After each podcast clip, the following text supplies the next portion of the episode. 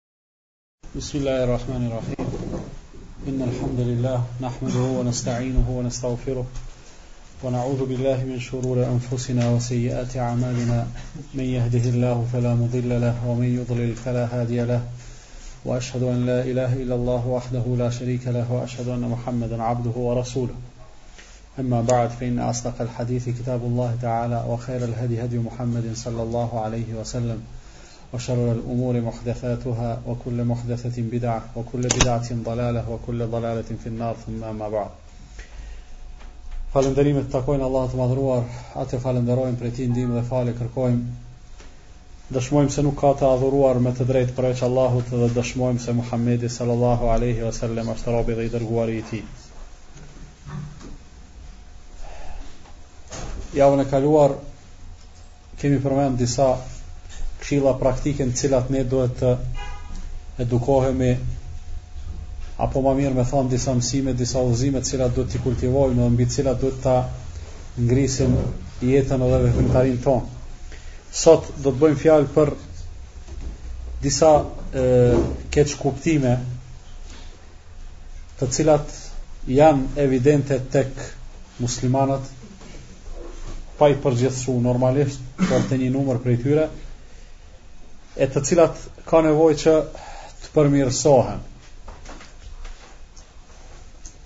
normal e dim se njeriu gjithë jetën e tij ka çka të përmirësoj edhe gjithë jetën ka mundësi që ta ngrisë kualitetin e veprimtarisë së vet, ashtu sikurse edhe ka mundësi gjithë jetën që të mësojë diçka të re. Na gjithmonë ka diçka që s'dimë. E si të ka diçka që s'dimë, do të thotë realisht ekziston mundësia që ne të mësojmë diçka që s'dimë, të mësojmë diçka të re, e sa do ta bëjmë një gjë të tillë varet se sa angazhohemi. Ai i cili angazhohet posaçërisht ai i cili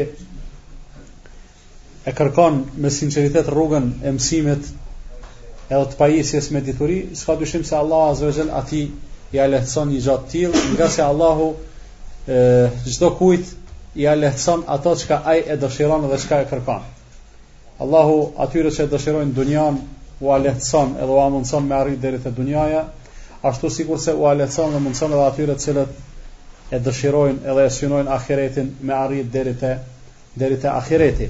Kësisoj edhe ai që dëshiron që të pajiset me dituri, Allahu ja mundson atij nëse ajo dëshira e tij nuk është vetëm nuk është vetëm parol, nuk është vetëm fjalë, por çka është edhe angazhim.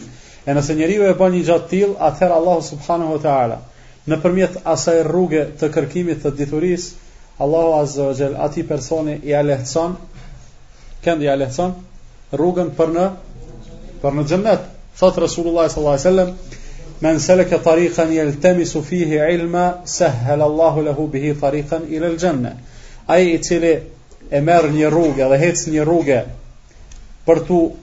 pajisur për tu pasuruar me dituri, Allahu me atë rrugë do t'ja lehtësojë atij rrugën për në xhennet. Pra dituria është ajo e cila njeriun e ngrit edhe njeriun si qenie e ka dallu prej qenieve të tjera dhe krijesave të tjera, po njëkohësisht edhe në mesin e llojit njerëzor Allahu subhanahu wa taala nëpërmjet diturisë i bën që disa të dallohen prej disa të tjerëve.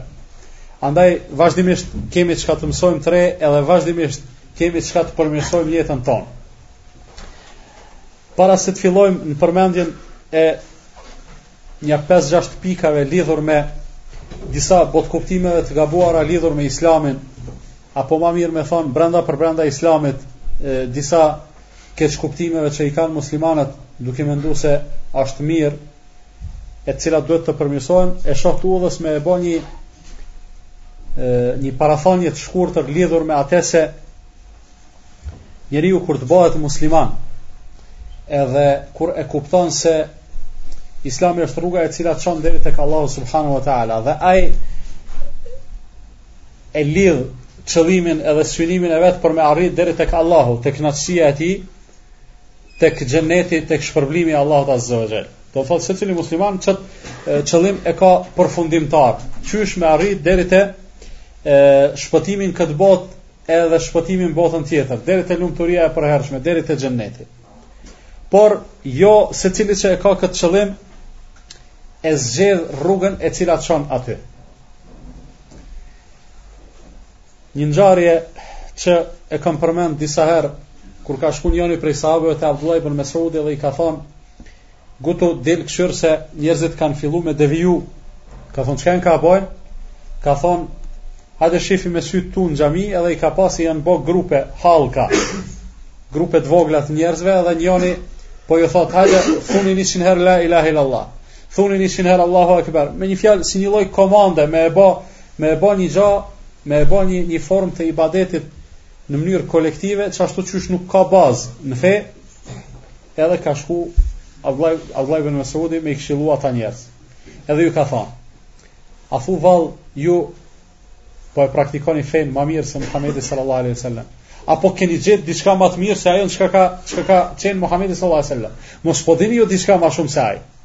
Ata i thojnë, nuk na takon neve me thonë një gja të tillë. Larg, larg qofshin e, mendjet tona me konsideru diçka se ne kemi mundësi diçka me bo ma mirë se Muhammedi sallallahu alaihi sallam. Mirëpo, nuk patëm tjetër qëllim përveç se hajrin. Do thonë, s'patëm diçka tjetër, veç se patëm për qëllim me bo diçka mirë. Abdullah ibn Mesudi ju tha, Rubbe muridin lil khejri la jusibu. Plot ka njerëz të cilët e dojnë hajrin, mirëpo nuk munden me e gjetë ate. Pse?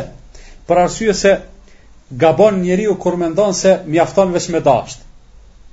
Mjafton veç me pas qëllim. Jo, krahas qëllimit, krahas, krahas asaj që ti don, don me arrit deri te e mira, don me arrit deri te suksesi, krahas asaj, Ekziston edhe gjysma tjetër e e e formulës, e ajo është me e gjetë rrugën e cila në mënyrë të garantume të çon deri te deri te suksesi ose deri aty ku ku ti po don me shku. Andaj nuk mjafton që njerëzit të kenë vetëm nijet të sinqertë, nuk mjafton që ata vetëm të synojnë edhe të dëshirojnë kënaqësinë e Allahut Azza wa Jell, por duhet krahas kësaj edhe të pasojnë rrugën t'i praktikojnë të gjitha udhëzimet, të cilat shpiejnë ka knaqësia e Allahut subhanahu wa ta'ala, për këtë arsye vijmë n'përfundim se islami në mënyrë shumë të fuqishme e refuzon si të papranueshme, si të paqëndrueshme si jo të qëlluar atë çka thonë disa teori se qëllimi e arsyeton mjetin, ha? E kam qëllimin e mirë, e kam qëllimin me i nimu Allahut, me i nimu fesë Allahut, me i nimu muslimanëve, hajt tash unë të dal edhe të vjedhi për me maru një xhami. A ban? Jo, po qëllimi është shumë fisnik për me maru xhaminë. Qëllimi është shumë fisnik mirë, po vepra nuk është me vend. Domethonë nuk lejohet. Qëllimi kurrsesi nuk e arsyeton mjetin. Kur e ki qëllimin e mirë, kurrsesi s'do me thonë se edhe punën ke me e bo mirë, përderisa mos të mësojsh se cila është puna e mirë, edhe cila është rruga e cila shpie kah realizimi i atij qëllimi, i atij qëllimi të mirë. Shpresoj se po e kuptojmë mirë një gja të tillë, ngase shumë shpesh ne muslimanët habitemi, edhe mendojmë se jemi duke bo mirë, edhe këtu ballafaqohemi me një problem shumë të madh, për arsye se rezultat i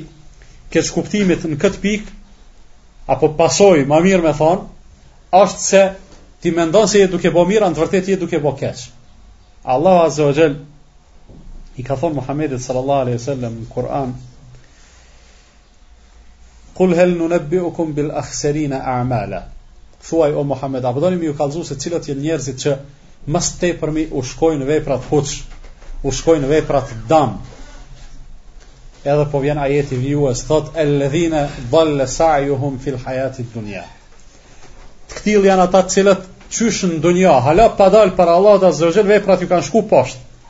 Kot, kot kanë vepru, nuk kanë ndonjë ndonjë shpërblim, nuk kanë ndonjë fitim që Realisht e presin prej atyre veprave të tyre. Wa hum yahsabuna annahum yuhsinuna sun'a. E ata megjithatë prap mendojnë se janë duke bo mirë. Shumë keq është domethënë kur njeriu e bën një vepër të keqe e mendon se është duke bo mirë. Kjo është më keq se sa kur e bën veprën e keqe edhe e din se po bën keq. Pse? Për arsye se ai që bën keq, duke qenë i vetëdijshëm se ajo vërtet është e keqe, atë ka mundësi se ndonjëherë me i punu ndërgjegja, edhe me u kthy, me u përmirësu. Ndërsa njeriu kur bën keq, por mendon se është duke bo mirë, kurrnjëherë nuk i shkon mendja se duhet me u përmirësu, se ai mendon se, veç, se mirë veç është tu bo. Andaj, ne duhet shumë të kemi kujdes, domethonë në në këtë çështje për arsye se nganjëherë me qëllim të mirë, me qëllim fisnik, me qëllim të ndihmës që dojmë me ia dhonë islamit, me qëllim të një udhëzimi që dojmë me u ofru muslimanëve, të afërmve, prindërve, anëtarëve të familjes, atyre që i dojmë, atyre ndaj të cilëve kemi obligime, shpeshherë e zgjedhim metodën edhe rrugën jo të qëllume. Ne themi se e jetojmë islamin ashtu si e ka jetu Muhammedi sallallahu alaihi sallam, ashtu si e kanë praktiku sahabët e tij radijallahu anhum, Mirëpo, një gjë të tillë shumë shpesh e bëjmë vetëm në një aspekt shumë shumë formal. Vini re, në një aspekt shumë formal të ibadetit në kuptimin e ngushtë. Domethënë edhe edhe krejt ibadetin nuk jemi duke e bo sipas sunetit. Por në një aspekt shumë formal edhe na duket se me çato e kemi praktiku krejt sunetin. dhe me çato ne dallojmë prej njerëzve të tjerë, gjë që ai dallim vërtet është shumë formal. Kur vjen puna e prezentimit të islamit, kur vjen puna e reflektimit apo rrezatimit pozitiv në rrethin ku jetojmë, aty na shumë pak e praktikojmë sunnetin e Muhamedit sallallahu alaihi wasallam. Ma s'pari pak e njofim e pastaj prej asaj çka dim normalisht jo krejt, po një pjesë shumë shumë të vogël të asaj e praktikojmë.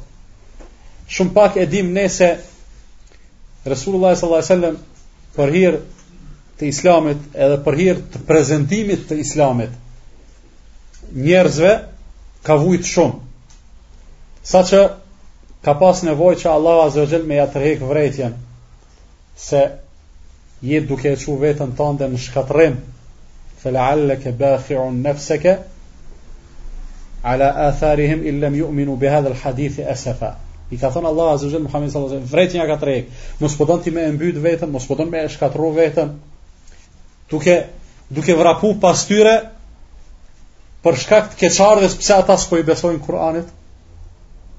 ose në tjetër ajet apo don me shkatrru veten pse ata s'po besojnë në përgjithësi e kështu me radhë.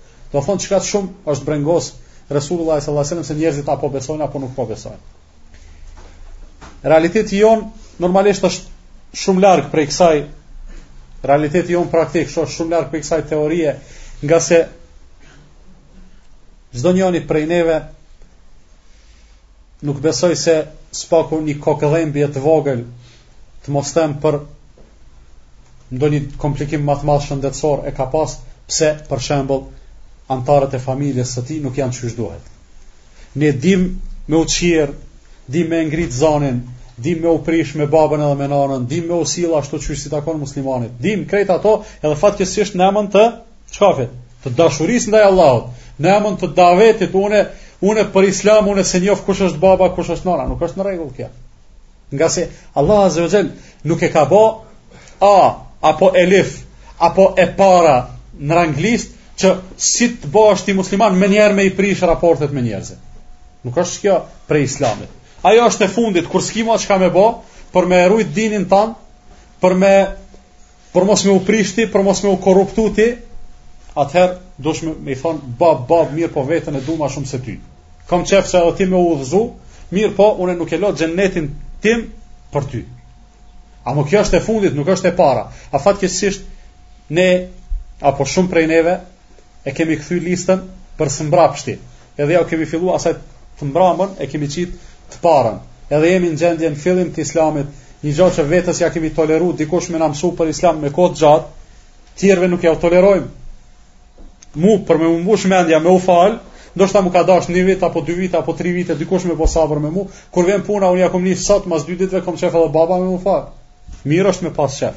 Edhe për atë qef inshallah kemi me u shpërbly te Allahu. Mirëpo, po, duhesh me insistu? A do ti me çdo kusht, veç pse ti ja ke nis me u falë, ai me ja nis? Vetes po ja toleron gradualitetin, tjerëve s'po ja toleron. Domethënë në këtë drejtim duhet shumë të kemi kujdes ngase po na mungon një mos them një model, po po na mungon praktikimi i atij modeli i jetësimit të sunnetit të Muhamedit sallallahu alaihi wasallam ashtu qysh është. Jo ashtu si po kemi qef na me e kuptu. Jo ashtu si po kemi qef na ai me kanë se shumë lehtë është me u prish me njerëz. Lehtë është me u prish, për arsye se nëse prishesh me babën edhe me nanën, tani me i ke shkëput kontaktet, s'ka hapsirë ma ata me të thonë, biri jem, hajt bane qët punë ti me thonë, po valla babo, se po valla nanë qe po e kryj. Domethënë ma letë qishtu, ndërprej raportet edhe, s'ki mo qka me i ngu, s'ki mo qka me u lodh me ta. Mirëpo, po, a është e qëllume. Absolutisht jo, për këtë arsye, shumë, shumë, shumë duhet kemi kujdes. E, shkëputja e raporteve me rrethin ku jetojmë, e posaçërisht, po them, me ata më të afërmit, me ata ndaj të cilëve kemi më tepërmi obligime. E ne e dimë se prej njerëzve me të cilët jetojmë, më tepërmi kemi obligime ndaj kujt? Ndaj ndaj prindërve, ndaj dy prindërve. Bile ndaj nënës më shumë, e pastaj ndaj babës, e pastaj vijnë ata sa më e madhe afërsia, më të mëdha obligimet, sa më shumë të largohet, domethënë obligimet vijnë duke duke u paksuar dhe duke u lehtuar. ë Nuk e pata për qëllim kët hymje me e zgjat qikaq shumë, mirëpo vërtet kemi nevojë me u përkujtu së bashku, reciprokisht me përkujtu njëri tjetrin se nganjëherë po dojmë me plasu apo me prezantuar një gjë që vërtet është shumë e lartë, një gjë që vërtet është shumë e çmueshme, mirëpo kur po vjen puna marketingun jemi duke ja bë zift. Islami është shumë i madh, pa vërejtje. Mirëpo kur po e prezantojmë na për njerëzit po bëhet i papranueshëm.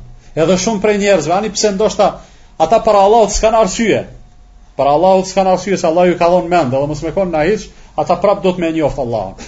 Mirëpo, shumë njerëzve na po ju japim shkas me thonë, a qishtu islami, a s'po e du këtë islam. E pra mendo, nëse ti bahesh sebep ndonjëni me u udhëzu, sa shpërblimi i madhë, sa do të jetë ndëshkimi nëse ti bahesh sebep që ndonjëni me urrejtë islamin. Për shkak edhe këto domi me me me e kujtu, se ne mendojmë shpesh herë mashtrohemi duke menduar se jemi të përkrym. Ajo çka po them unë, ajo është e saktë. Edhe kur të him dikun në bisedë, në debat, në diçka, nëse fjala ime kundërshtohet, atëherë do t'aty me u bo ni një katastrofë, atë at popull Allahu do të me e vra për hatër tem. Po jo, more, Allah Azze o Xhel nuk i ka vra popujt, nuk i ka shkatërru për hatër të pejgamberve, përderisa ma nuk janë shpenzu krejt mundësit qaj popull me u udhëzu. Përderisa me arsye pejgambert i kanë çu durt edhe me i mallku popujt e tyre në raste kur ka ndodhë kjo. E jo na me një, me një dit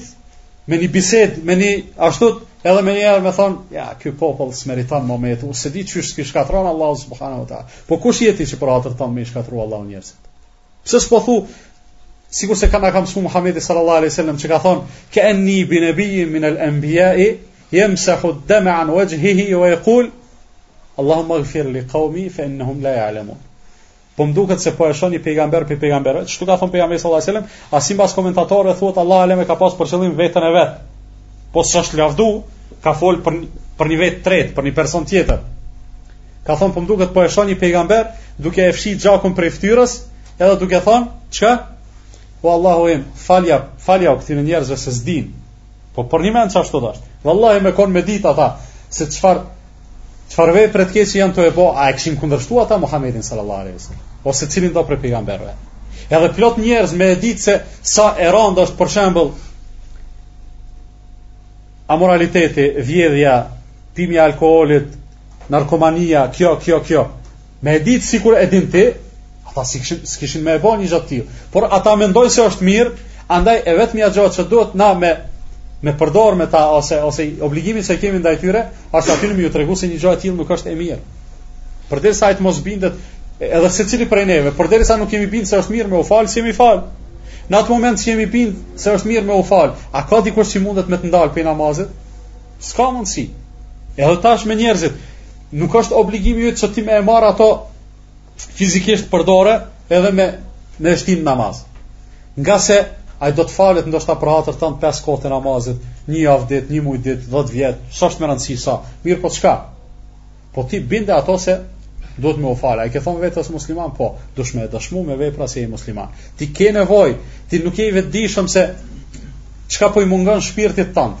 Çka po i mungon jetës tande? Çka po i mungon ditës edhe natës tande? Provoje Islamin edhe e shef. Kur ta provon edhe kur të bindet, masanej nuk ke ti problem me atë njeri. Po kalojmë te disa pika, me thon praktike, në të cilat janë disa keqkuptime edhe që Edhe nëse edhe nëse ato nuk janë ndoshta në çit në çit rreth, në çit tek çta njerëz që jemi çtu. Mirëpo, ato i hasim kohë pas kohe te një pjesë e muslimanëve dhe është mirë që të dim se si t'i trajtojmë. Ajo çka është me rëndësi te të metat edhe defektet. Hapi i parë është me i detektu ato, me i zbulu se ato ekzistojnë. Thonë një njeri Nëse e ka një smundje, po s'e din se është i smut, nuk është i vetëdijshëm se e ka filan smundjen, ai kurr s'ka me trajtu atë smundje, kurr s'ka me përdor ilaç për me u shëru se s'e din që e ka. Do thonë ma s'pari duhet me dit ekzistimin e t'metës apo defektit. Pas kësaj duhet me dit se cila është mënyra efikase për për shërimin e asaj smundje, edhe e treta përdorimi i atij ilaçi që ashtu qysh është ma s'miri,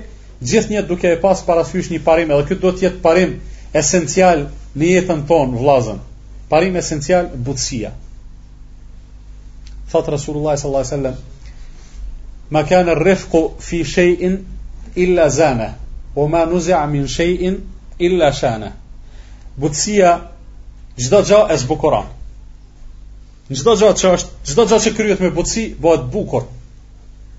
Ka ka bukuri, ka hijeshi aty. Ndërsa thot çdo gjë e cila nuk bëhet me butësi është e shëmtuar. Paramendo me shku me me me ia bo dikujt një të mirë, po me shku me vrazhdësi. S'e kënaq. Edhe nëse kush e di sa, kush e di sa e madhe është ajo e mirë cilën ti po ja bën atij. Andaj çto duhet ta kemi shumë parasysh kur kemi të bëjmë me me të metat, me defektet, qofshin ato personale, apo të tjerve, cilat ne po dojmë me u trajtu. Në përgjithsi, çdo e met që e shohim te muslimanët, duhet ta dim se ajo na bjen hise edhe neve, pavarësisht se a e kryjmë na, a e bojmë personalisht qatë punë, apo nuk e bojmë, për arsye se duhet të ndim, qashtu qysh na ka msu Muhamedi sallallahu alaihi wasallam, se muslimanët janë sikur një trup, janë sikurse pjesët e një ndërtese që e, e forcojnë njëna-tjetrën, janë sikurse një organizëm i cili Kur shqetësohet për diçka apo kur një pjesë e atij organizmi e ndin një dhimbje, i tërë organizmi ma nuk ka mundësi me me u rahatu. Një problem shumë serioz i cili është prezent fatkeqësisht tek muslimanët është zhvlerësimi i akides. Kur vjen puna, hasim nga njerëzit e disa muslimanë, fillojnë me e promovu islamin, me e përhap islamin, fillon dikush me fal namaz e kështu me radh, mirëpo i duket se ai njeri vetëm nëse ja ka filluar me i fal pesë kohë namaz, u kry muhabeti me to, u kry puna. S'ka më unë obligime ndaj atyne njerëzve. Harrojnë se Muhamedi sallallahu alaihi wasallam, si pejgamber i Allahut, do të thonë jo si njeri rëndom qysh jemi na, si pejgamber i Allahut tan jetën e tij e ka mobilizu e ka nënshtru në shërbim të akides, të besimit të drejtë, në Allahun azze ue xhel dhe në krejt ato çka Allahu ka kërku që të besohet. Çdo hap, çdo fjalë, çdo qëndrim të vetin, e ka shfrytëzu për me i përmirësu keqkuptimet e njerëzve në rrafshin e akides. Ka pas njerëz që Në kohën e pejgamberit sallallahu alajhi wasallam, me një shprehje kanë bë gabim trashanik. A e dini rastin kur kanë shkuar tash vonë e kemi përmend. Kur i kanë thon, i kanë thon pejgamberit sallallahu alajhi wasallam, "Hajt na bën edhe neve një asi pemë dhatu anwat, sikurse ata mushrikët." Pejgamberi sallallahu alajhi wasallam jau ka përmirësu atë atë keqkuptim edhe ju ka tregu se në islam nuk ka kështu Allahu azze ue xhel është ai që duhet të adhurohet edhe kriteret kriteret janë në mënyrë shumë strikte të definume do thonë kriteret e ibadetit janë në mënyrë shumë shumë shumë strikte të definume nuk ban kurrgjë me lanë mangut po njëkohësisht qashtu qysh s'ban me lanë mangut njëkohësisht s'ban edhe s'ban edhe me shtu përkundrazi nëse len diçka mangut duke e pas parasysh se vallahi du me e kry po qe s'po muj Është më e lehtë se sa me shku me thon jo valla, për mua pesë vakte s'janë kurrgjë unë gjashtë do me i fal. Nuk bën me i fal gjashtë, pesë janë. Do të thon shumë më e rrezikshme është është me shtu se sa se sa me mangu nga pamundësia. Po qas qasja që ka qenë e Resulullah sallallahu alajhi wasallam ndaj gabimeve të këtilla ka qenë njëkohësisht shumë e butë edhe pse gabimet janë shumë të rënda. Një gjë e atillë mundet me nxjerr njerin prej feje. Ka ardh tipi edhe i ka thon Muhamedit sallallahu alajhi wasallam Ma sha Allahu wa shi'it. Çka don Allahu dhe çka don ti? Thonë jo, çka don Allahu vetëm. S'ka dikush me dëshirën e tij ekzekutive që mundet me ju bashku Allahut subhanahu wa taala. Dëshirë ekzekutive do thon çka don me bë, veç Allahu është i këtillë. Njeri s'ka, plot sene i dojmë na, mirëpo pak prej atyne mundëm me i realizu. Edhe ato që i realizojmë prap vet veç me ndihmën e Allahut azza wa jall, jo pse vet kemi mundësi me bë diçka. Andaj Vetëm Allahu çka don, shumë gabim i madh me thon kështu, mirëpo i ka mësu edhe i ka përmirësu gabimet e këtilla Resulullah sallallahu alaihi wasallam, gjë që ajo në çka po insistojmë që është butësia, sjellja e mirë kështu me radh, kurrsesi s'do të me u bë pengesa jonë për mos me ua përmirësu njerëzve gabimet. Do thon këtu tash i kemi dy gjëra. E para, me përmirësu gabimin, e dyta me qenë të butë edhe të sjellshëm. Në dy anë mundën me u bë keqkuptime. Dikush në emër të butësisë edhe të mirësisë edhe të mirësjelljes, Mundet me thonë vallaj, ja s'pi tham se mos po ngushtohet, mos kështu, mos ashtu. Gabim është. Po e lën pa e kryer një obligim në anën të mirësjelljes. Tjetri, jo vallaj, akide është kjo, këto duhet me përmirësu me ka për dore, me ka për jake, për gjyksi, hec, shka e ka bën kështu, të plaçin syt kështu, andej kënej, edhe kjo është gabim. Ku është ku është rruga e qëllume edhe e drejtë në këto? Mesatarja.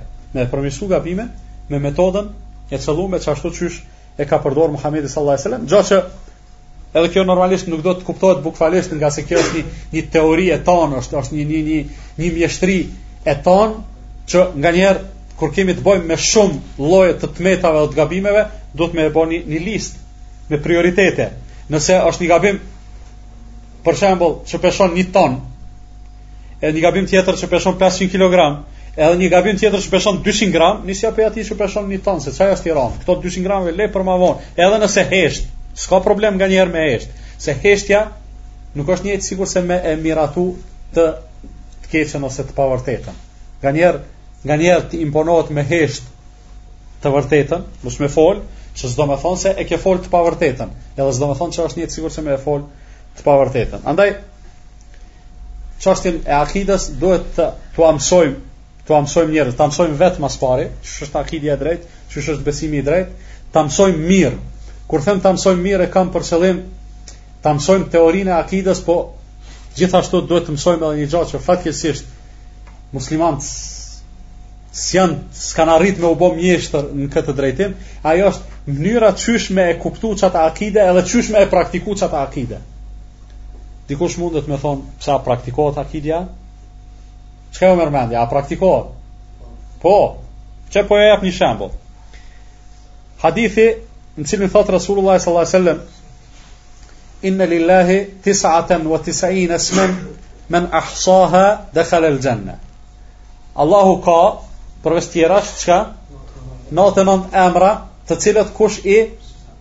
Ha?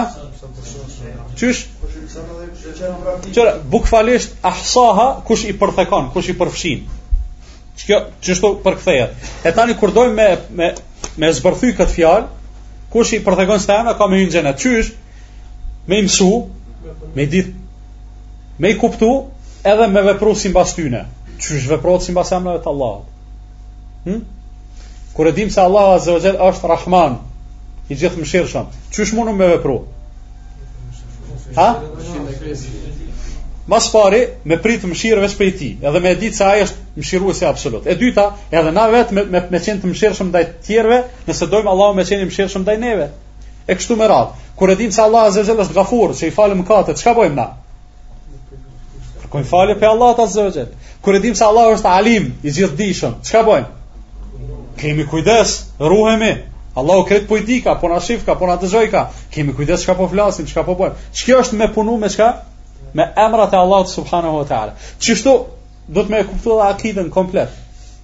Do thënë qishtu do të me e kuptu, qishtu do të me u mundu me e shti n'praktikë. Edhe në anën tjetër do të me u mundu që tjerëve kur tua kur të mundohemi me ua përcjell, me ua mësu, me i përmirësu në të, me u mundu që ato me e bo në mënyrën sa ma të kapshme për ta në mënyrën sa ma të pranueshme sa ma lehtë edhe thjesht të pranueshme për ta do thonë nëse u kthehemi shembujve që i ka marrë Allahu Azze ue Xhel në Kur'an, ose Muhamedi sallallahu alejhi ue selem në hadithe, e shofim se ata shembuj kanë qenë shumë të kapshëm për mentalitetin e atyre njerëzve të cilve u është drejtu.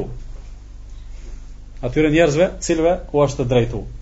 Do thonë edhe na kur spjegojmë diçka, mos spjego, mos spjego diçka fantastike, Dersi yt me me qen apo apo fjalimi yt apo shpjegimi yt me qen fantastik shkencore, diçka që s'un e merr vesh kërkush, ndoshta as vetë s'e ke marr vesh çka je tu thon. Por do të me qen i kapshëm për gjithë ata të cilët e e ndëgjojnë. Shpjegimi yt do të thon me qen i pranueshëm, lehtë dhe thjesht. E këto për me mujt njëri me arrit një gjë të tillë, paraprakisht do të me e kuptu vet. Na vet do të me e mësu akiden, po do të edhe me e kuptu për me pas mundësi atë me ua përcjell me ua përcjell të tjerëve. Kalojmë te një pikë e dytë edhe pse kjo e para është shumë e rëndësishme, po unë po e përmendi kalimthi ngase nuk është kjo tema boshte e e ligjëratës. E dyta, imitimi i verbër. Imitimi i verbër i ka sipas meje, edhe sipas asaj çka shohim në praktikë i ka dy skajshmëri apo dy ekstreme. Na shpesh herë ju thojmë kur mundohemi njerëzve me jua paraqit islamin, me jua mësu islamin. Edhe ai thot valla jo, unë unë jam Hanefi. Shumë e kemi keqkuptu fjalën Hanefi. Edhe për shkak të këtij keqkuptimi ka ardh deri te një ndarje e padrejtë, edhe e paqëndrueshme, thojnë Hanefit edhe Selefit. S'ka hanefit edhe selefit, edhe hanefit janë selefi. Duhet t'jenë. Ebu Hanifja, rahimahullah, është prej selefit, prej imamve, selef, çka do me thonë? Ata që na kanë parapri në rrugë t'drejt, ata që na e kanë, e kanë shkel para neve rrugën e drejt, na e kanë trasu. Ebu Hanifja është njoni prej tyne. Bon pjesë gjithsesi në ato çka ka thon Muhamedi sallallahu alaihi wasallam, "Khairun nasi qarni, thumma alladhina yalunhum, thumma alladhina yalunhum." Njerëzit më të mirë janë gjenerata ime, pastaj ata që vijnë pas tyre, pastaj ata që vijnë pas tyre. Ebu Hanifja rahimahullah ka jetu në cilën kohë? Po, e kur ka vdek? Në shekullin e dytë. Ja, 150 ka vdek. 80, në vitin 80 hijretit ka lind, në vitin 150 ka vdek. Do thonë është njeri një imam një dietar i dëshmuar me me mirësi edhe me me me istikame, me me qëndrim në rrugën e drejtë. Andaj shumë gabim i madh është edhe për mua është e papranueshme me thon Hanefi edhe Selefi. Edhe pse ë term, terminet apo terminologjitë e këtilla Është mirë mos me përdor përveç kur s'kemi çare. S'duhet me bë parull, unë jam selefi. Duhet me kuptu çka do të thonë me kon selefi, edhe me kon selefi pa pas nevojë me thon unë jam selefi. Unë e pasoj Muhamedin sallallahu alaihi wasallam, Ebu Bekrin, Omerin, Uthmanin, Aliun, sahabët tjerë, tabiin, pasuesit e tyre me të mirë. Qikjo është pak më gjanësisht fjala selefi, ama duhet me dëshmu me vepra, jo me parulla. Kur vjen puna te imitimi dhe dy skajshmërit e tij, Nëse e dëgjojmë nganjëherë dikend thotë, vallah, jo, unë sipas medhhebit të Ebu Hanifës. Ai medhhebi i Ebu Hanifës, edhe medhhebi, apo drejtimi, apo shkolla juridike, apo shkolla praktike, qysh do me i thanë, që praktikohet te shumë prej atyre, qashtu si bohet te ne selefit, a selefi, a s'je kërkun prej, prej ahlakut të parve, qashtu edhe hanefit, ata që pretendojnë se janë hanefi. Plot sene i kanë plot bidate që s'janë n'medhhebin e Ebu Hanifës. Edhe Ebu Hanifja sigurisht se s'i ka praktiku qato gjona. Po andaj, duhet në mënyrë të drejtë me, me i zhvesh problemet edhe me ju qasë atyne me, me, me i trajtu ato probleme për me i shëru në mënyrën, mënyrën e drejtë edhe mënyrën e mirë. Nganjëherë, duke ik njeriu prej, prej një imitimi, prej një taklidi, kalon n'një taklid tjetër. Shumë kemi raste praktike kur vllaznit thonë, jo, unë s', unë s'i përmbahna një medhebi. Po mirë, është në rregull se Allah azza wajel nuk ka kërku prej neve, nuk na e ka obligu që sipas një medhhebi me adhuru Allahun azza wajel. Në vërtet ka kërku sipas një medhhebi, është medhhebi i Muhamedit sallallahu alaihi wasallam. Mirëpo në ato çka njihet si ma vonë si medhheb, me kon Hanefi ose Maliki ose kështu me radhë, s'ka lyp Allah azza wajel prej neve, ani pse lejohet për fillestarët, jo lejohet, është obligim se fillestari s'ka çare, dinin fillimisht pa e marr prej dikujna. me e bo një gja të tillë, derisa të vjen një, një shkallë që masanej me, me u mundu me e marrë prej argumentit, e tani nëse e ka marrë rrugën e dijetarëve derisa të arrin edhe vetë me u bo dikush i mirë, po në përgjithësi unë këto jua kam cekë edhe njëherë, nëse une ju mësoj juve, edhe nëse une ju, ju përgjigjna juve, nëse une ju jep juve fetva, ju medhhebin e kujt e merrni, Mezhebin tem, temin, do me thonë edhe ajo është një loj imitimi prej cilit s'kemi mundësi me ik, mirëpo duhet me ik prej këtij prej imitimit t'verbër, sikurse ka thonë edhe vetë Ebu Hanifja Rahimehullah, ai, ai është prej të parve që e kanë promovu këtë vlerë, edhe ju kisha lut ta mbani mend, ka thonë nuk i lejohet askujt prej njerëzve me e marrë fjalën tonë për pa e ditë argumentin tonë. Për pa e ditë ku e kom marrë une, nuk ja u lejoj që ju me, me e marrë me e marrë fjalën time. Do me thonë që, qët vlerë e kanë promovu sahabet e Resulullah sallallahu alaihi wasallam e kanë promovu tabiinët, e kanë promovu dietarët, edhe duhet ta kuptojnë muslimanët dhe atëherë kur muslimanët nuk i kanë kuptu këto gjana, kanë lind Çato çata fanatizmat e nënçmum edhe edhe të dëmshëm, saqë ka ardhur puna deri te ajo që me u diskutu a bën a bën një musliman i mezhebit Hanefi me ia dhon çikën atij që është Maliki edhe anasjelltas. Subhanallahu. Do me thon me u diskutu një një gjë e tillë, kjo vërtet është katastrofale. Amo pse vjen deri te kjo për shkak të xhehlit, për shkak të për shkak të injorancës. Në çto bën pjesë edhe Një pikë tjetër me rëndësi, e ajo është e, institucioni i emirit, i udhëheqësisë. Edhe këtu ka, edhe pse prap po them, edhe kjo është temë shumë e gjane dhe shumë e madhe dhe shumë e rëndësishme, saqë trajtimi i saj kërkon kohë mirëpo po du shkurtimisht me përmend diçka. Edhe këtu ka e, skajshmëri. Për shembull, disa njerëz mendojnë se nëse nëse është lidh për një organizim të dikujt ose për një diçka ose kështu me radhë, çat udhëheqësin që e ka çat emirin, çat drejtorin, çat çysh çysh do qoftë, atë duhet me ndigju 100% Nëse ai shkon në xhenem, ti mas tina në xhenem. Që është absolutisht gabim, edhe pse citatet, ajetet, hadithet tregojnë se vërtet muslimani duhet me ndigju udhëheqësin e vet. Udhëheqësin e vet, kur them udhëheqësin e vet, Çka ka për qëllim? Udhëheqës i mirëfilltë, çaj që është në rrugë t'drejtë, çaj që është tamam çysh duhet. Ë shënon Buhariu rahimehullah një transmetim të Aliut radhiyallahu anh, i cili thotë: I ka dërgu Muhamedi sallallahu alaihi wasallam disa njerëz në një ekspeditë. Edhe sa herë ka nis një grup Muhamedi sallallahu alaihi wasallam, nëse janë kanë 10 vetë, 15, 20, s'është me rëndësi sa janë kanë, ju ka thonë çyre filani është përgjegjës për juve. Filanin duheni me ndigju. Edhe udhëzimet janë çështu, domethënë nëse 2 vetë apo 3 vetë nisën një një rrugë, njëri duhet me kon pak çë vetët në rast se, në rast se vjen deri te ajo që janë dy tri mendime, ai me vendos se cilin mendim po e pasojnë ose ose cilën rrugë po e marrin ose kështu me radhë.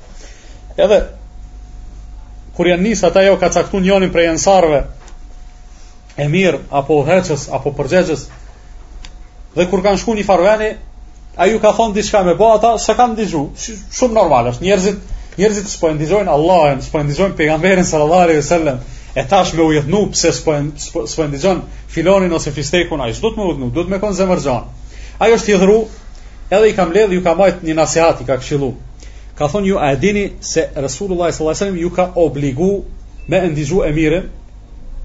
Thonë po, a jam unë emiri juj? Po, a më ka caktu mu Resulullah sallallahu alaihi wasallam? Po, e atëherë thotë unë kërkoj prej juve me ngulm se të më dëgjoni. Të pa që më dëgju, po të dëgjojmë. Atëherë, u idhnu, qaq u idhnu, sa që tash po don me, me keqpërdor emirllëkun. Atëherë thotë unë ju urdhëroj se të shkoni dhe të mbledhni dru, dru, thata. Edhe të vini dhe ta ndizni një zjarr të madh. Edhe shkojnë ata i mbledhin drut edhe ndezin atë zjarrin. Kur e ndezin, thot tash ju urdhëroj që të hudheni në zjarr. Edhe u ndalin ata. A m'u hedh, a mos m'u hedh, pejgamberi sallallahu alajhi wasallam ka thonë ngone emirin, në anën tjetër. Po Resulullah sallallahu alajhi wasallam për çka e ka çu Allahu azza wa jall? Për çka e ka çu? Për çka ma konkretisht? Me i pështu njerëzit prej zjarrit, jo me i gjujt n'zjarr. Edhe njoni po i thotë, o vla, Resulullah sallallahu alaihi wasallam në ka ardh mëshirë për botët, mos me i lon njerëz me hi n'zjarr. Ti në emër të Resulullah po don me na shti n'zjarr, s'është e logjikshme. Nejse kur janë kthy Edhe ai pak u ftof në atë kuptimin i ka kalu pak zemrimi, edhe subhanallahu Allah azza wajel ka dashur që mos me u bë fitne dikush prej muslimanëve, është është shkym zjarri automatikisht. Kur kanë ardhur i kanë tregu Muhamedit sallallahu alaihi wasallam, ka thonë sikur të kishin hyrë në zjarr kurrë s'kishin dalë më prej tina.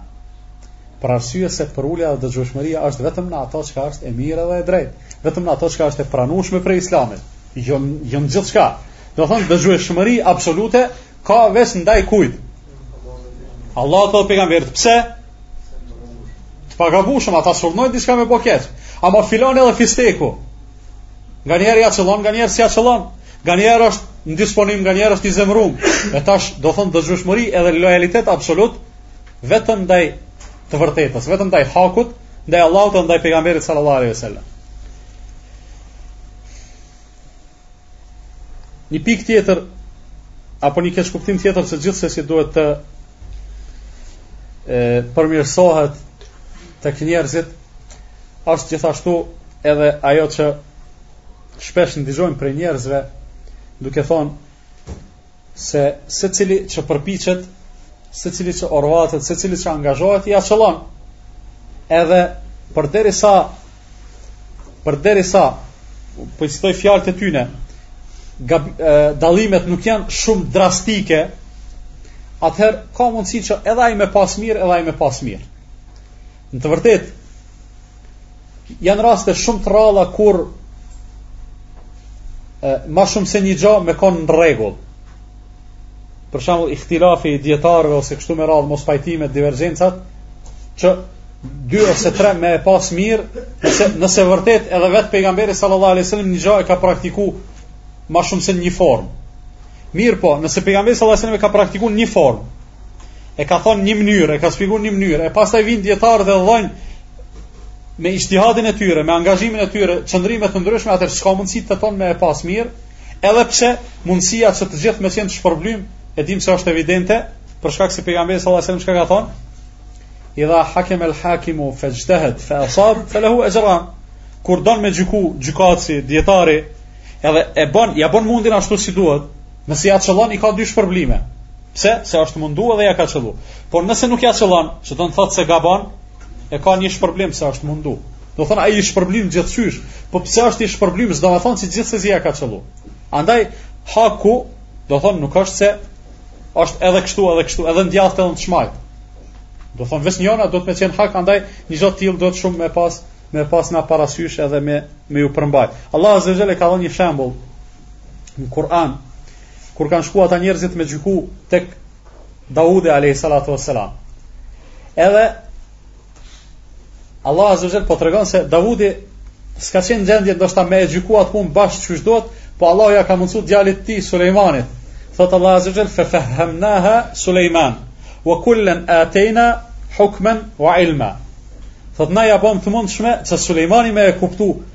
Qysh është zgjidhja e atij problemi? Edhe pse të dyve, do thonë edhe edhe Davudit edhe Sulejmanit iu kishim dhënë paraprakisht dituri edhe urtësi.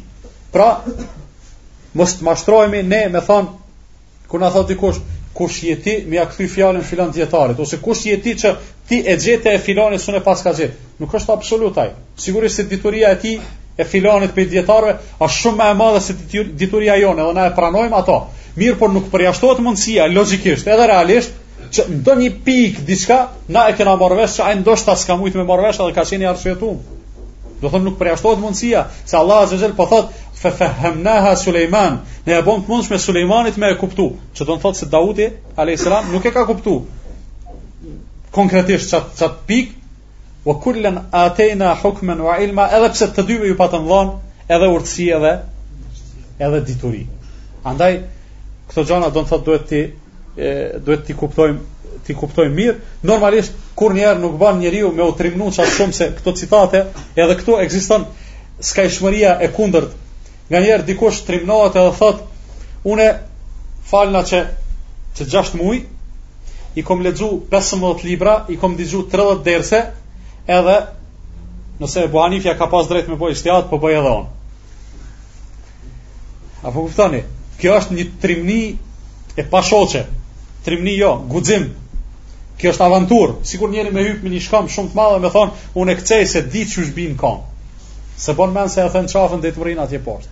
Qishtu është njeriu me u trimru ose me marrë guxim, pa vend, me dituri të vogël dhe me dituri të pakt. Andaj, e, kur ka thonë njëni prej prej tabiinëve kur është pyet qysh e bën ti gjykimin ka thon sipas hadithit pejgamberit sallallahu alajhi wasallam sipas Kuranit pasande sipas hadithit masande sipas fjalëve të sahabeve masande e thot masande fjalë të tjerëve thot ata janë burra na burra kshyrum ata a ja kanë qëlluar s'ja kanë qëlluar por dikun më herët ka vlejt kjo ama m'u çu dikush prej neve me moshën e vet të re me injorancën e vet shumë të madhe, e kështu me radhë, me thonë valla, ata burra edhe na burra, mendoj se nuk është me vend, nuk duhet me u trimnu shumë, duhet me mësu shumë, sa ma shumë që të mësojmë, aq ma shumë e kuptojmë se sa pak po dim, edhe sa shumë kemi nevojë me mësu, edhe sa e madhe është injoranca edhe padituria jonë. Ekziston gjithashtu një gja tjetër që duhet të trajtohet si si si keqkuptim apo si botëkuptim i gabu. Ne e dimë se vërtet në realitet, në realitet ka hapësirë për mospajtime. Edhe për një çështje praktike që nuk pajtohen dy dijetarë, ata nuk është e udhës që të bojkotohen ndërmjet vete, që të ngrejn shpatat, që të luftojnë ndërmjet vete e kështu me radhë. Allah azza wa jalle, e ka bë këtë tolerancë prej ahlakut të muslimanëve. Gjo qi nuk do me thonë se, prap po them, nuk do me thonë se të dytë ja kanë qëllu, mirëpo duhet me pas kaq zemërgjerësi, saqë nëse ai po mendon qeshtu, pranoje qashtu qysh asht, përderisa edhe atij të mos i bëhet e mundshme me e kuptu, ose ty të mos bëhet e mundshme me e kuptu se, e,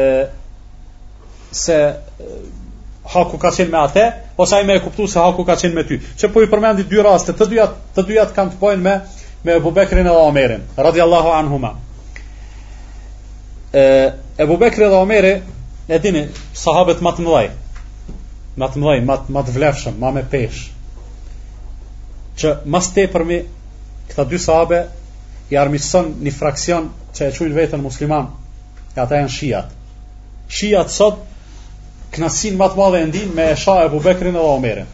Paramendoni sot po lexoj n'internet, paska lu dje a pardje s'po e di s'po e përcjelli mundialin, Irani me Meksikën. Edhe meksikant jau ka dhënë gol Iranianve, a paramendoj që jau ka dhënë gol një Omer e paska pas emrin. Subhanallah, që çfar koincidence shumë interesante. Thot në Bagdad shiat nëpër qit klubet, kafet, këta që kanë gjithë ditën edhe gjithë natën tu e sha Omerin edhe Ebu Bekrin edhe nëpër gazeta tu shkru jo atë Omerin që ja ka dhënë gol po Omer ibn Hattabin tani ata tu e sha dhe tu e mallku që çfar, çfar, çfar dushmanllëku çfar, çfar, çfar shejtanllëku kanë ata ndaj Ebu Bekrit edhe Omerit aty nuk s'i ban dam Ebu Bekrit edhe Omerit kurrë s'i ban dam ata po haki i kanë i kanë i kanë hjek barrët e tyre, i kanë çu në xhennet inshallah.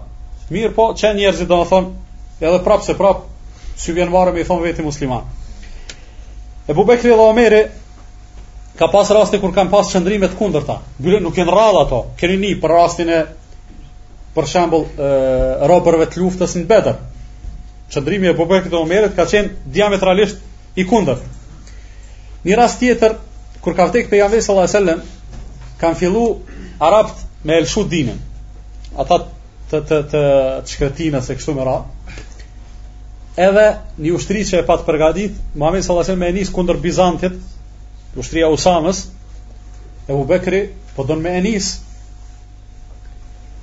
Në anën tjetër, i erdh lajmi Ebu Bekrit se disa njerëz nuk e kanë lon islamin, veç zeqatin s'po dojnë me dhanë. Ebu Bekri prapë po thotë, vallahi, veç një litar deves që ja kanë dhonë Pejgamberit alejhi selam, nëse s'ma jepin edhe mu, kam me i luftu. E kështu me radhë, Omeri ka ardhë dhe po i thotë, o Ebu Bekër, t'i luftojmë ma s'pari ata që e kanë lon fenë plotësisht. Ushtrinë e Usamës mos e nis se s'është prioritet, edhe qita çka veç zeqatin s'po japin mos i lufto. Edhe i ka tregu pe Ebu Bekri radiallahu anhu Omerit, ka thonë vallahi kam me i luftu. Se e di se kjo punë nuk bëhet me dobësinë ose fuqinë tonë, por bëhet me ndihmën e Allahut azza xhel nëse ne ne jemi në hak. Omeri hala ka insistu edhe kështu kanë debatu derisa Omeri në një moment thotë vallahi thotë kur e pash kambënguljen e Ebu Bekrit në këto, thotë Allahu azza xhel ma hapi gjoksin, Edhe m'dha me e kuptu se vërtet Ebu Bekri e ka drejt. Paramendo, po qëndrime të kundërta, por me kalimin e kohës po e kupton e ka dalë se ky e paska mirë. Rasti tjetër është i kundërt. Omer radiallahu anhu ka ardhur te Abu Bekri dhe ka thonë Abu Bekr Kur'anin, që është i shkrum, një sure atje, një sure atje, një sure atje, merre mbledhe edhe bëne një libër. Se shpallja ka përfundu, Muhamedi sallallahu alaihi wasallam nuk është gjallë, shpallje pej qiellit s'na vjen, na duhet me u kujdes për me e ru Kur'anin edhe pse Allahu e ka marrë përsipër, por na duhet me ja bëj hizmetin. Ebu Bekri është ndalë edhe qysh me e bën një punë s'e ka bë pejgamberi sallallahu alaihi wasallam. Me pas dashur a s'kish mujt pejgamberi sallallahu alaihi wasallam me e mbledh a. Brani brekne edhe këtu kanë bën një debat bajagi t'gjatë derisa Ebu Bekri nuk është bin, ka thënë vallahi Omeri e ka mirë, edhe i ka mush mendja, do me thonë çka? me e pranu aton çka ka insistu Omeri. E kanë thirë Zejdin, Zejdin bin Thabitin, që ka qenë një prej njohësve të mirë të Kuranit, edhe i kanë thonë qështu qështu është puna, tash i ka dal i njëjti problem, sikurse me Ebu Bekrin, qysh me e bo një punë, qysh kështu, qysh ashtu, derisa edhe atij nuk ju ka mush menja se vërtet është një punë që duhet të bahet. Pra, kur dikush mendon se khilafi apo mospajtimi, duhet me e lonë qashtu qysh asht, nuk është në rregull. Normal, duhet me e trajtu me zemërgjerësi, mirëpo nuk prish punë, do thonë se në mënyrë shkencore me argumente me kështu me radhë do të thotë me pas e, debate ose e, biseda me argumente me ajetet e Kuranit me hadithet e Muhamedit sallallahu alajhi wasallam por normalisht nga njerëz paraprakisht të përgatitur jo nga njerëz që pretendojnë se dinë por nga njerëz që në të vërtetë dinë pikë tjetër që duhet trajtohet edhe keqkuptim tjetër është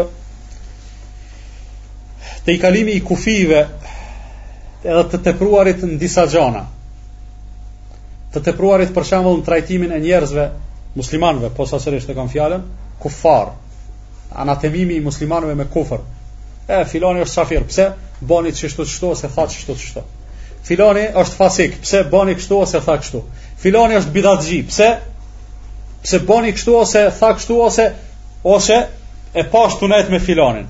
Do thonë qikjo krejt qëto janë ekstremizma.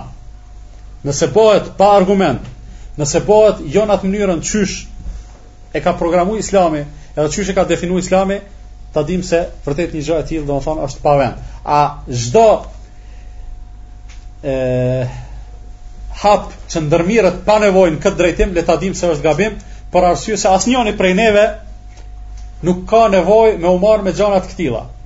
Allah azza wa jall neve nuk na ka dërgu, as nuk na ka zgjedh që na me qenë çka, gjyqtarë. Mi u bë, mi u bë gjykime njerëzve, me thonë hec ulu këtu, me pyet, me kështu, me kështu dhe në fund me ardhë n'përfundim, me i mëshu me atë çekiçin tavolinës, me thonë, unë erdha në përfundim se ti je çafir. Ose unë erdha në përfundim se ti je bidatxhi. Allah azza wa jall nuk na ka obligu me një gjë të tillë. Pse me e marr na përsipër një ball, një barrë të këtillë? Përkundrazi, ne jemi të obliguar që sa ma shumë me i afru muslimanët ndërmjet vete, sa ma shumë me u mundu me ua përmirësu gabimet nëse kanë edhe të metat që i shohim te ata, pa pas nevojë që ata t'i gjykojmë.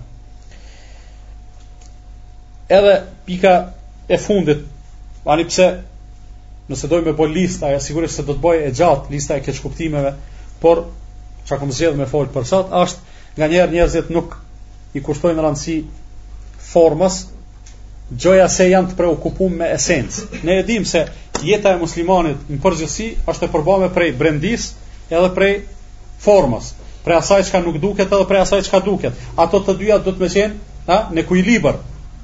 Andaj nuk ban që qashtu qysh thojmë edhe me ngulm insistojmë që nëse njeriu i jep përparësi formës, apo mirret me formën e kalon esencën, I thojmë valla qaj njeri me e pa kështu i mirë, ama mbrendi nuk është i mirë.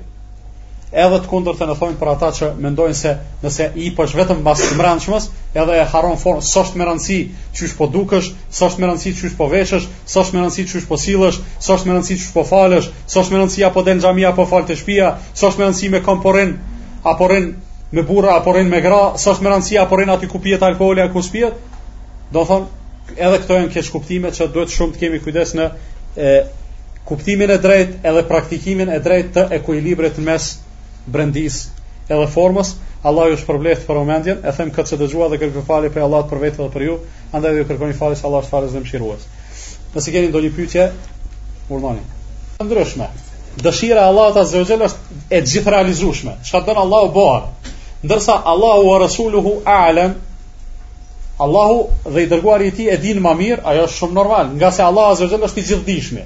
Muhamedi sallallahu alaihi wasallam nuk është i gjithdijshëm. Por çka është ma i dijshëm se na? Pse?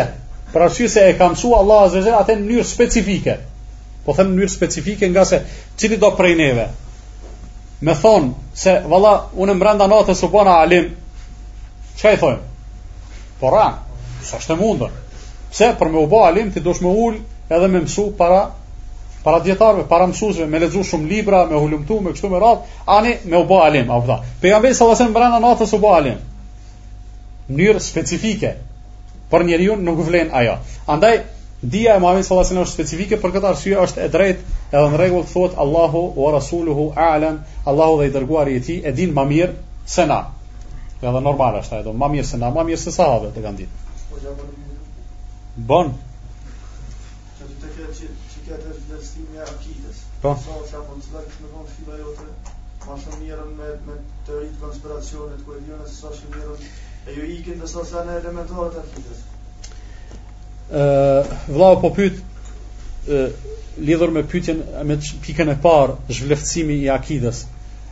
apo mos trajtimi i akidës ashtu si duhet, e ka po thotë disa vllazni që më tepër mirren me disa gjëra që ndoshta nuk kanë edhe ndonjë rëndësi të veçantë se sa që mirren me akide. Është e vërtetë, na duhet me e kuptu njeriu nëse, sikurse thashë edhe në fillim, nëse e kupton se je i smutë, ti ki me shku te mjeku, ki me e lyp ilaçin. Ama nëse nuk e din që je i smutë, nuk ki me e lyp ilaçin. Ka raste të këtilla, njeriu është xhahil, ignorant, por nuk e din se është ignorant. Nuk e din, nuk është i vetëdijshëm, bile i këtilli është më i rrezikshëm, më i keqi. Pse? Se ai s'din, a kujton se din. Edhe fillon me u marr me gjana të cilat do të thonë nuk janë të të rëndësisë së veçantë për muslimanin, ani pse ka disa gjana që ka disa gjana me të cilat dikush do t'me u marr. Janë disa profesione, disa kështu me radhë që dikush do t'me u marr. Mirëpo, jo ai me u marr n'dam të fesë vet, n'dam të besimit vet e kështu me radhë. Le të mëson gjanat elementare për fenë vet e masanej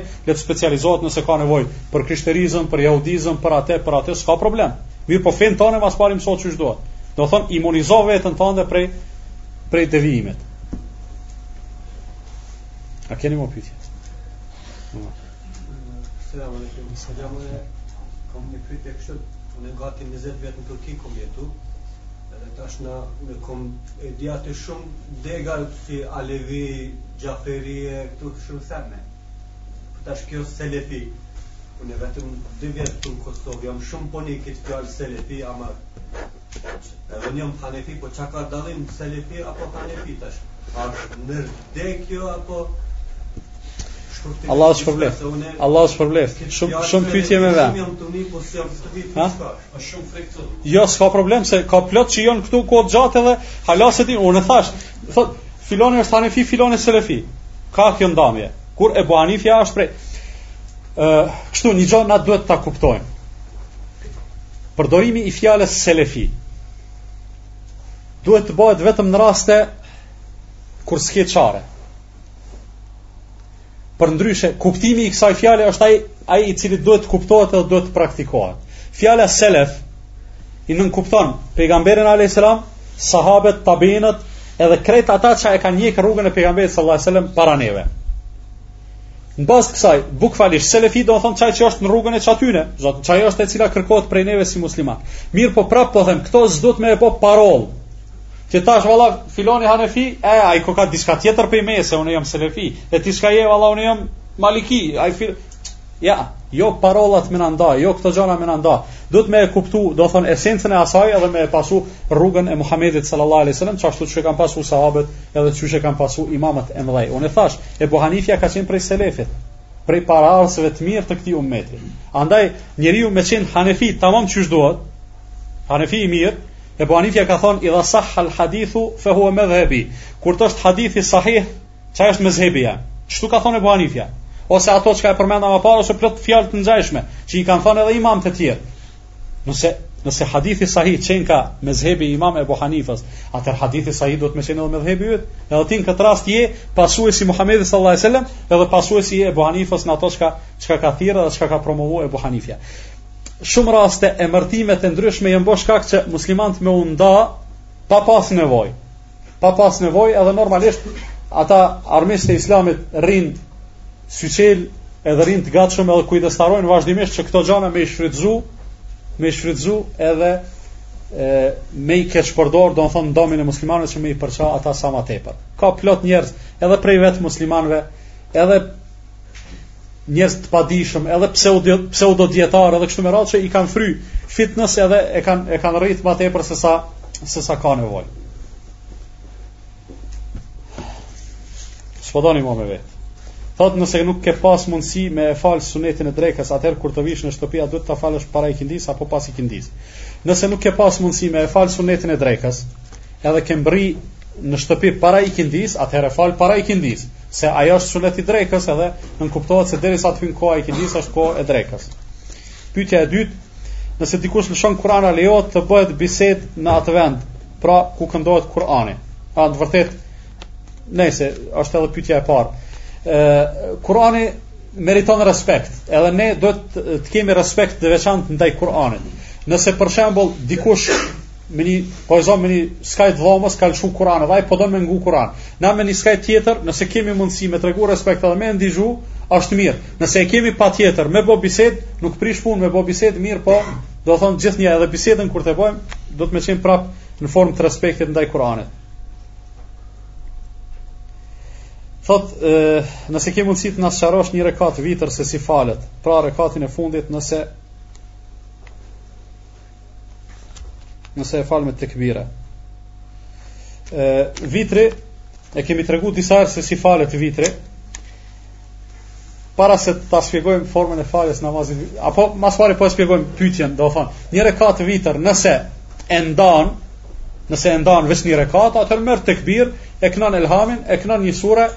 shkon në ruku i bën dy sexhde ulësh i kënon deri në fund ato lutjet e e, e uljes edhe i jep selam do me thon është një mënyrë shumë e thjeshtë si si çdo një rekat i cili don namaz e por është mirë që vitrin me e praktiku më shumë se sa një rekat një vëlla joni Allahu e rujt thojke hanefit ngoni kjo tash është pak për me kesh s'prish pun thot hanefit e kanë zvoglu vitrin prej 33 rekatëve në 3 rekat ndërsa selefit prej 11 rekatëve në 1 rekat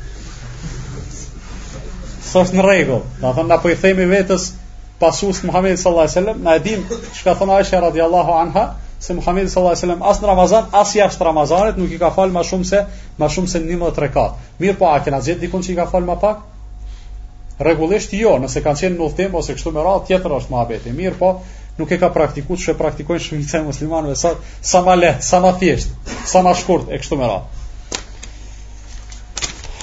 A lejohet me marr A lejohet me marr menhexhin vetëm prej një dijetari, edhe në qoftë se është shumë i madh. Menhexhi apo metodologjia është bërë një gjë shumë e përfolur në qarqet e muslimanëve sot. E fatkeqësisht shumë prej njerëzve që e përdorin këtë fjalë, s'ia din as kuptimin bukval e as ato terminologjik. Na duhet me e kuptu këtë punë kështu. Dinin duhet me e marr prej atyre të cilët Na e mësojnë dinin. Sahabet e kanë marrë prej Muhamedit sallallahu alejhi ve sellem. Tabiinët e kanë marrë prej sahabeve. Ata që kanë ardhur pas tyre e kanë marrë prej tyre. Na e kemi marrë prej baballarëve tanë, prej hoxhallarëve tanë, prej atyre që kemi pas mundësi me ndajt me ta e kështu me radhë. Kështu që dinin duhet me e marrë prej Kuranit edhe prej Sunnetit, nga çdo kush që na e mëson dinin sipas Kuranit edhe Sunnetit. Cila është dispozita e zbulimit të shputave të këmbëve të femrave se shumë motra po e praktikojnë. Unë ju kam thënë edhe më herët se do thon ekziston një mendim të cilin un e e favorizoj, ajo është obligueshmëria e mbulimit të shputave të këmbëve në namaz edhe jashtë namazit. Për femrat është fjala. A ka ndonjë rregull për mësim më të shpejtë përmendësh të Kur'anit? Po, me rëndësi është pastërtia shpirtërore, sinqeriteti në nivel ruajtja prej mëkateve e kështu me radhë, duke e pas parasysh se nëse ne shkojmë në mënyrë sistematike, atëherë nuk është me rëndësi të mësojmë shumë, sa është me rëndësi të mësojmë rregullisht. Shumë transmetime prej sahabeve prej sahabeve po them se ka pas shumë hafazllar prej sahabeve, tregojnë se e kanë mësu Kur'anin ngadal ngadal. Për shembull, një transmetim thotë i kemi mësu 5 ajete në sabah dhe 5 ajete në aksham. Do thon 5 ajete dhe 5 ajete ka raste kur bojnë ndoshta gjysmë faqe e Kur'anit. Ka raste kur bojnë një faqe e Kuranit, po kryesisht nuk ka qenë ajo e, interesimi, apo ma mirë me thonë, preokupimi i sahabeve, që veç me mësu sa ma shumë, sikur se te na, për shembull, ka raste kur ka qef, ndoshta 10 faqe me mësu për një ditë, nuk ka nevoj, mësoji 5 ajete n'sabah, 5 në aksham, elhamdulilah, shumë shum mirë i ki punët, mënyrë që kur ti mësojsh nesër ato 10 tjera, edhe këto mundesh me i përsërit, e kështu me radhë.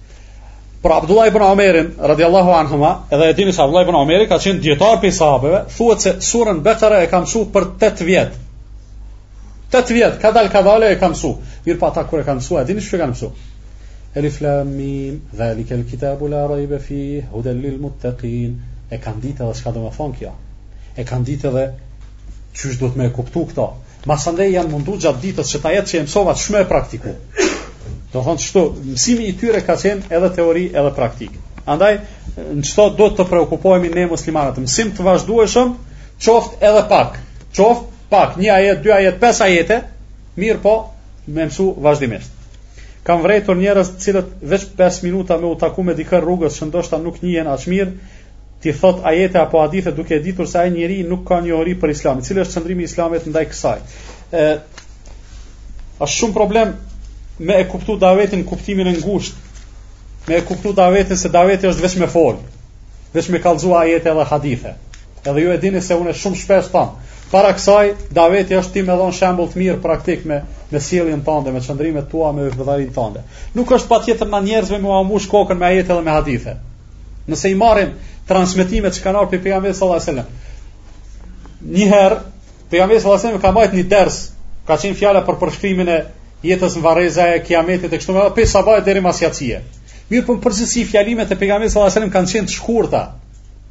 Unë nuk besoj se ka qenë traditë në kohën e pejgamberit me u majt dersi ni sahat, siç e majmë na sot. S'ka pas nevojë, pak fjalë, punë shumë, daveti ka sukses. Flitet se ka musliman që po konvertohen në fenë e krishterë për shkak se po pranojnë një shumë të hollash prej Vatikanit, mirëpo po i vazhdojnë vizitat në xhami dhe namazet. Si është gjendja e tyre, a janë musliman apo të krishter? Dhe a mund t'i përzëmë këta njerëz nga rrethi ynë? Ëh, nëse ai është boj krishter, e ka ndrru besimin, edhe nëse falet, edhe nëse bën çka do, ato nuk do t'i bëjnë punë, nuk nuk i bëjnë dobi. Mirëpo unë po çuditna se a ka mundësi me ndodh një gjë e tillë. Po do të thonë, e di se ka njerëz që konvertohen, mirëpo edhe u konvertu, ka qit kryqin edhe po vjen xhami, kjo s'ma kap logjika. Çka të bëjmë nëse prindi na pengon që ta praktikojmë një farz të Allahut, ose ky prind ka sëmundje si tensioni ose sheqeri, e po që se e kundërshtojmë mund t'iu keqësohet gjendja shëndetësore. Ë do të mundohemi të bëjmë nëse ka mundësi me bo një bashkëdyzim mes dyjave. Asaj që ka kërkuar Allahu prej neve, edhe asaj që kërkon prindi. Nëse s'kemi mundësi me bo një gjë të tillë, normalisht dihet çkafit i jepet përparësi, asaj që Allahu kërkon prej neve.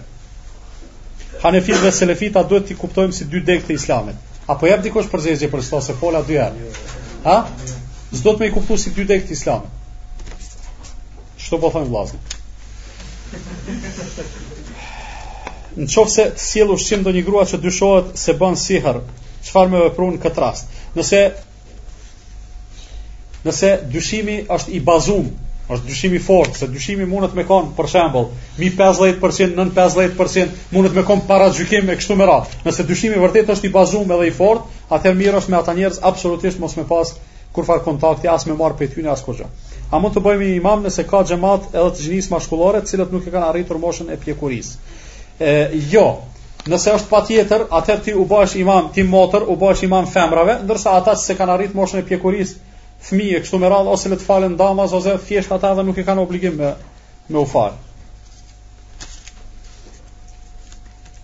Nëse një njeri flet keq për Islamin dhe Muhamedit sallallahu alaihi wasallam dhe ne heshtim dhe ne heshtim kemi ndëshkim, por nëse ne flasim dhe ai nervozohet se nuk po i pëlqen Islami, atëherë a kemi ne ndëshkim kur ne e themi të vërtetën dhe ai urren Islamin edhe pse ne i flasim mirë.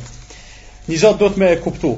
Nëse se ka lloj-farë njerëz, ka dikush do të thonë se e mohon Allahun azza wa jall ose e urren Islamin e kështu me radhë, po jo për shkak të fajit tonë, po për shkak të kryenësisë vet. Këtë rast na s'kemi përgjegjësi. Por nëse ne bëhemi shkaktar se dikush me pas asi qëndrimi, përgjegjësia është e jonja. Do thonë që duhet t'i dallojmë këto gjana. A është primare me ndërtu një shkollë apo një xhami nëse një fshat apo një qytet mungojnë? Po ma primare është me ndërtu njerëz. Nëse një fshat, për shembull, s'është kërkush që falet. Kërkush s'falet në atë fshat. Me shku na me me për shembull me harxhu 100.000 euro, me ndërtu një xhami aty mendoj se është pa vend. Duhet me shku me ndërtu njerëz aty, me ndërtu xhamat. E masanej xhemati ka me ndërtu xhamin, ka me ndërtu shkollën, ka me ndërtu ato çka u nevojitet njerëzve.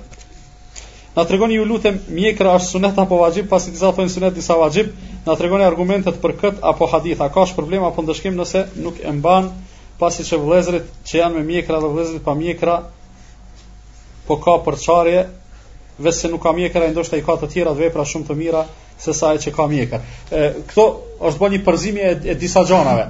Dispozita juridike rreth mjekrës është e njoftun. Do thon është vaxhib lëshimi i mjekrës. Edhe tash nëse unë e lëshoj ose nuk e lëshoj e kam për vete. Ai tjetri që duhet me u shoqënu me mua ose është prej rrethit tem ose kështu me radh, nuk është nuk duhet me mkëshyr a kam unë mjekër a s'kam unë mjekër dhe në bazë të asaj me më trajtu. Do thon njeriu nëse e kryen një obligim ka me u shpërbly tek Allahu azza wa Nëse nuk e kryen, prap përgjegjësinë e ka para Allahut, na s'kemi s'jemi ata që do ta marrim n'pyetje atë. Andaj nuk duhet me bë ksi dallime. Sa më lejohet me ndejt me cimeren time ku ajo është deklaru haptazi se nuk beson në Zot dhe shumë herë më bën pyetje shumë të këqija për Zot. Nëse e vren veten se ajo po të mbjell dyshime të dëmshme për besimin tënd, atëherë normalisht ti me urgjencë duhet me u largu prej saj. A nëse është një xahile e rëndomt tek e cila ndoshta ki shpresë se mundesh me ndiku, atëherë nuk prish punë ndoshta me ndejt me ta me qëllim të ndikimit tand tek ajo. Ti e vlerëson se a dush me vazhdu apo jo. Ja. A bo a bën me dal absolventet në fotografi për pano. Çka bëhet nëse s'del? A hup diçka? Apo e vreni se do pyetje s'po do përgjigje me po edhe jo. Ha? Apo ju duket se po harroj apo në familjen time un jam e vetmja e udhëzuar. Mundohem t'ju flas për Islam mirë, por nuk më lejojnë. Ndodh që ndonjëherë të kemi mosmarrëveshje mes meje dhe motrave, por pa qëllim, mundohem të jem e butë, e durueshme dhe nganjëherë nuk kam mundësi. Çfarë të bëj që të ruhem nga këto gabime dhe si të gjej një metodë më të mirë që t'ju flas për Islam? Nganjëherë, nganjëherë ndoshta është më mirë mos me ju fol. Besoni, nganjëherë ndoshta është më mirë mos me ju fol. Nganjëherë nëse ti ke me shku dikund, me ndejt 2-3 ditë, 5 ditë, një javë, leja një libër ose një kasetë ose një CD, Leje ku ka me e marrë ai anëtari i familjes, se ndoshta kur s'je ti ai e merr dhe e shfleton, kur je ti aty i vjen inati. Seriosisht, domethënë, këto janë gjanat të cilat ndodhin në jetën tonë të përditshme. Andaj, nganjëherë, po them, davet është mos me folë, posaçërisht kur njeri shpreh irritim prej atyne fjalëve të cilat i dëgjon prej teje dhe mundohet me çdo kusht me të kundërshtu. Leje, le të sheh ai ose ajo tek ti shembull të muslimanit të mirë. Nëse këto arrin me bë dije se e ke bë davetin më të madh. Nëse ti arrin me e prezentu ë, shembullin e muslimanit apo muslimanes së mirë. A bën edhe një herë të na shpjegosh se cilët janë ata njerëz të cilëve u shkojnë veprat huq, ata mendojnë se janë duke bërë mirë. Janë ata njerëz, këtu bëjnë pjesë ata njerëz të cilët ndoshta mundën me e pasë edhe qëllimin e mirë, mirëpo metodën apo rrugën apo mënyrën e kryerjes së veprës nuk e kanë të qëlluar. Domethënë e bën një vepër, e bën për hir të Allahut, por jo sipas sunetit të pejgamberit sallallahu alaihi wasallam, shkon huq. Çfarë mendoni për tri medhhebet Maliki, Selefi dhe Hanefi, a ka mundësi që më gjerësisht të na tregoni për ta? Ju lutem na kurseni prej pyetjeve të këtilla se këto janë gjëra që mësohen nëpër fakultete, magjistratura, doktoratura, se nuk kemi mundësi me na një pyetje apo një përgjigje në një minutë me i shpjegu këto gjana. Duhet me e kuptu si diçka që ne duhet të shërbehemi me to për të arrit deri te kënaqësia e Allahut subhanehu wa ta'ala. Trashëgimia, dija, që ka lon mas vetës imam Maliku, imam Ebu Hanifja, imam Filoni, imam Fisteku, na duhet me shfrytëzu. Ata jon konë njerëzit dijetarët nëpërmjet të cilëve ka ardhë feja deri tek ne. Edhe unë nuk po e shoh se çfarë, çfarë problemi ka këtu. Një njeri i cili është i butë, por njerëzit që nuk e praktikojnë Islamin e keqpërdorin butësinë e tij në mënyra të ndryshme. Çfarë duhet të veprojë në kësi raste? Ë, ndoshta ju kujtohet kur kam folur për për sinqeritetin e tepruar në raportet mes njerëzve, i cili kalon në naivitet. Nganjëherë ndonjë butësi pa vend mundet me kalon në naivitet edhe njerëzit me e keqpërdor atë. Andaj duhet me pas kujdes, domethënë butësia, mirësjellja duhet me qenë me vend.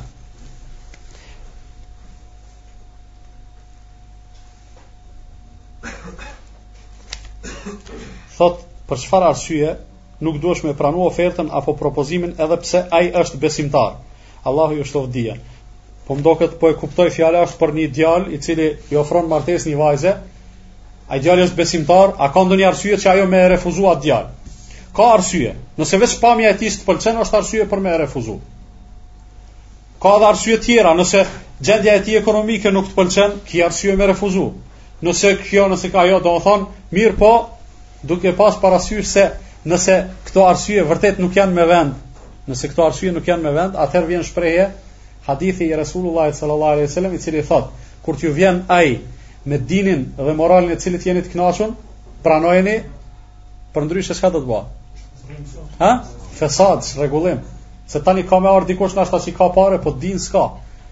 Masane vjen edhe një tjetër, edhe një tjetër ti dikur i bën 30 vjet, ki qare pa e pranu dikënd. Edhe në këtë mënyrë domethënë çka vjen deri te deri te çrregullimi. Për këtë arsye duhet me pas parasysh këto gjana.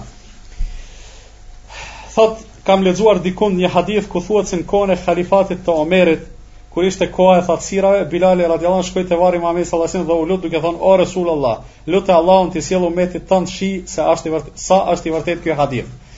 Pejgamberi sallallahu alaihi wasallam në kohën e halifatit Omerit s'ka qenë gjallë.